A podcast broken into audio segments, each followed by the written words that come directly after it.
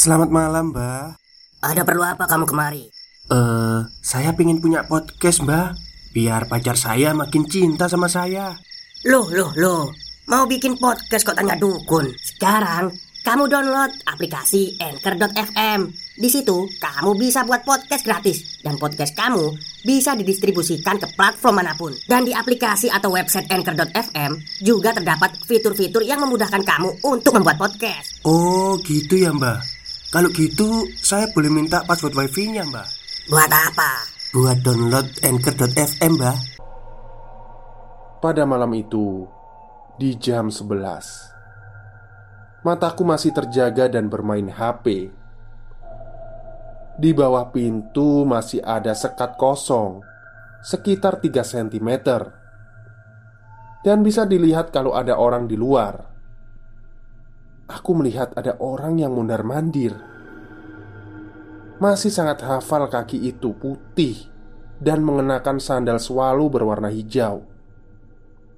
Kupikir Siapa sih? Jam segini Warawiri di depan kamarnya orang. Terus aku pun cerita ke Nana Dan Nana hanya menanggapi mungkin saja. Itu mbak-mbak yang ada di lantai tiga Terus aku kembali kirim pesan ke Mbak Y. Mbak, ini siapa ya? Jam segini belum tidur Masih jalan-jalan di depan kamarnya orang. Mbak Y menjawab Waduh Nggak tahu sih. Ini aku sama semua anak lantai tiga lagi kumpul di kamarnya Mbak A. Emang ada apa? Coba kamu lihat deh Siapa tahu Ada tamu. Oh iya Buat pemahaman Emang yang terlibat di sini banyak ya. Hampir semua anak kos terlibat jadi maaf Kalau bingung banyak inisial. Nana itu temanku SD Dia menempati kamar nomor 13 Terus ada Mbak Y di lantai 3 Penanggung jawab ketua kos. Dan ke depannya bakal ada lebih banyak lagi ya Yang terlibat Oke lah kita lanjut. Kemudian aku menjawab Enggak ah Takut mbak. Ini soalnya aneh. Takutnya orang gila. Soalnya dari tadi mondar mandir. Mana nggak ada suaranya. Ini kebiasaan. Anak lantai satu pasti lupa ngunci pagar. Mbak Y menjawab Ya udah. Sik bentar Coba tak turun, tak liate Lima menit kemudian aku mendapat pesan Mai Kamu kenapa deh hari ini? Hah? Kenapa gimana? Ini aku turun Depan kamar kamu gak ada siapa-siapa Eh, mbak Tapi masa masih ada ini Dia barusan lewat lagi Tapi aku di depan kamar kamu. Iya, aku lihat ada kaki Mbak Y. Tapi di depan kakimu ada kaki lain, Mbak. Dan setelah pesan itu kukirim Hanya langkah tergesa-gesa Mbak Y Yang ku dengar kembali Naik ke kamarnya Tanpa dia mengirim pesan lagi padaku. Dan si kaki misterius itu Menjauh dari depan kamarku. Dan kemudian tidak ada lagi. Keesokan harinya aku berpapasan dengan Mbak Y Mbak, tadi malam kenapa lari? Ya, aku lihat pesanmu lah, Mai Sama lihat di lantai atas Ada bekas sendal yang basah Kayak habis dari kamar mandi. Kan bener Emang gak ada yang beres di sini, Mbak Ada apa sih sebenarnya?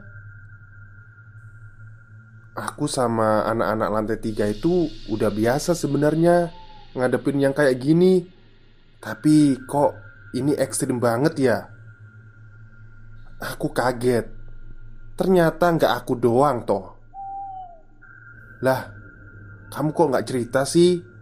Emang mbak diganggu bentuknya itu seperti apa?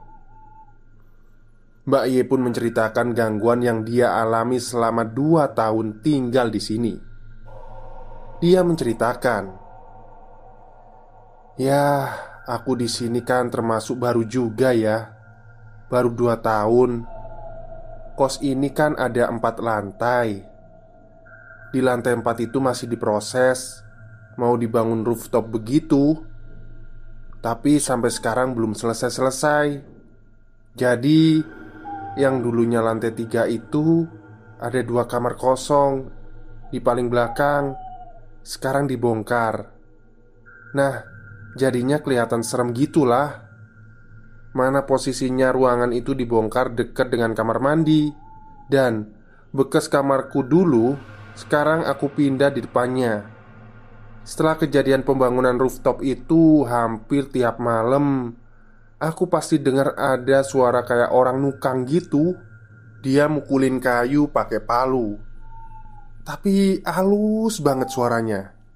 Itu tiap malam sih aku dengernya. Pernah juga setiap kita kumpul-kumpul karaokean bareng-bareng Tiba-tiba ada suara yang gak dikenal ikutan. Pas kita diem, dia diem. Pas kita nyanyi, dia ikut nyanyi tapi cuma sebatas senandung doang. Nah, di sebelah kamar mandi lantai tiga itu kan ada tangga kecil Kayak lorong gitu Buat naik ke lantai empat. Uh, Itu tiap ada yang mandi Pasti anak-anak lantai tiga sudah hafal. Bakal ada kayak suara orang yang naik turun tangga. Tapi langkahnya nggak kedengeran. Dan sebenarnya nggak ada kita itu diganggu cuman sebatas suara aja sih. Kalau yang sampai diliatin gitu Cuman sekali ini pas aku di sini. Waktu aku mau pulang di depan kos Aku lihat ke atas. Malam itu ada yang duduk di balkon pakai dress putih. Tapi aku nggak tahu itu siapa dan kayaknya emang si mbak kuntilanak sih. Aku pun menimpali tapi mbak Tahu nggak sih Itu gudang kenapa di, digembok? Terus Ruangan kosong ditutup kayu sama kardus itu Ruangan apa sih? Mbak Ye pun menjawab Aku juga nggak tahu. Dari aku di sini pertama emang udah gitu. Dan aku tanya ke pemilik kos Beliau cuma jawab Gak apa-apa setelah itu, karena waktu sudah menunjukkan pukul 7 pagi, akhirnya mengharuskanku untuk mengakhiri percakapan dan bergegas untuk menuju ke kampus. Hari-hari berjalan seperti normal sampai malam harinya aku bertemu dengan Nana. Malam itu aku dan Nana berencana untuk beli makan malam. Saat kami duduk di sebuah kedai bakso, tiba-tiba Nana membuka obrolan. Eh, Mi Kamu ngerasa ada yang aneh gak sih sama kos kita? Hah? Aneh gimana, mah? Aku memang sengaja tidak menceritakan semua yang kualami padanya Karena dia orangnya sangat penakut Aku hanya tidak mau membuatnya lebih takut lagi dan berujung pindah Aku sendirian dong kalau pindah Nana pun melanjutkan ceritanya. Itu loh Aku tadi kan sholat isya ya. Tiba-tiba tuh Di ekor mataku aku ngelihat ada kain putih terbang Dari balkon. Hah? Gak mungkin lah ada gituan Mana ada kayak gitu. Perasaan kamu aja kali. Ih, aku lihat Mi Jendelaku masih kebuka lebar. Jelas banget kok. Kainnya putih terbang. Terus Tiba-tiba anginnya dingin banget. Kamu gak pernah kayak gitu Sambungnya. Hmm Enggak sih. Cuman ya kadang-kadang kayak ngerasa ada yang ngelihatin. Tapi ya wajar sih. Kita kan masih baru di sini. Jawabku menenangkan setelah malam itu, aku kembali menyadari bahwa memang ada sesuatu di sini. Sesuatu yang belum aku ketahui. sesuatu yang masih disembunyikan dengan rapi. Tapi hanya satu yang aku tahu. Ibu penjual ayam depan kos sedikit banyak tahu apa yang terjadi dengan bangunan ini. Selang dua bulan, aku tinggal di sini, masih dengan gangguan-gangguan yang tidak masuk akal, dan masih dengan si kaki swallow hijau yang hampir setiap malamnya lewat di depan kamarku menuju kamar mandi. Sialnya, saat itu kos mengalami masalah kekeringan air. Anehnya, satu lingkungan tidak mengalami hal yang serupa. Hanya kosku saja. Dan yang paling aneh, bisakah kita kekurangan air? Padahal sumber mata air kos kami ada dua Sumur tua di lantai satu dan PDAM di lantai dua dan tiga Tapi saat itu semua tidak bisa digunakan dan satu hal lagi yang paling aneh Air hanya menyala di atas jam 12 malam. Dan kembali mati saat adzan subuh sekitar jam 4 pagi. Kami sudah berusaha menghubungi pemilik kos Untuk menyelesaikan masalah ini. Dan mereka juga sudah mengusahakan mengundang petugas PDAM Maupun teknisi yang berkaitan. Namun ternyata hal itu sia-sia. Sesaat petugas di sana, air dapat menyala. Namun di saat petugas pergi, air kembali mati. Dan kondisi itu kami alami selama kurang lebih satu setengah bulan. Kami pun harus menyesuaikan dengan kondisi itu. Ya, melakukan semua kegiatan di malam hari kami harus menjadi makhluk noktural saat itu. Memulai kegiatan seperti mandi dan mencuci baju di saat malam hari, dan menampung air di ember-ember untuk digunakan saat air mulai mati kembali. Saat itu, seperti rutinitas, aku bangun untuk sholat malam, sekalian mandi di jam 2 pagi. Saat mandi, keran aku nyalakan dengan sangat kencang Sampai-sampai orang memanggilku, memanggilku pun tidak mungkin terdengar jika tidak menggedor pintu. Aku mandi di kamar mandi putih dekat dengan tangga. Sebelumnya aku sudah janjian dengan Nana untuk saling membangunkan apabila salah satu dari kami sudah selesai mandi. Saat itu kebetulan aku dulu yang bangun dan niatku membangunkan Nana kalau aku sudah selesai mandi saja agar tidak mengganggu Nana saat itu. Saat mandi, hanya suara keran air dan gayung yang bersentuhan dengan air bak yang hanya bisa ku dengar. Namun tiba-tiba ada seseorang yang menggedor-gedor pintu kamar mandi. Aku langsung menyaut dong. Siapa ya? Aku masih mandi. Tunggu bentar. Namun tidak ada jawaban. Kemudian aku, maksudnya dia, menggedor lagi. Namun dengan tiga ketukan lembut. Duk, duk, duk. Aku pun bergegas menghanduki badan dan kembali menegur. Nana ya? Se, bentar nah Ini masih handukan. Tidak ada jawaban. Kemudian lagi Tiga ketukan, tapi ini sedikit kasar. Duk, duk, duk. Stop, stop. Kita break sebentar. Jadi gimana? Kalian pengen punya podcast seperti saya? Jangan pakai dukun, pakai anchor. Download sekarang juga.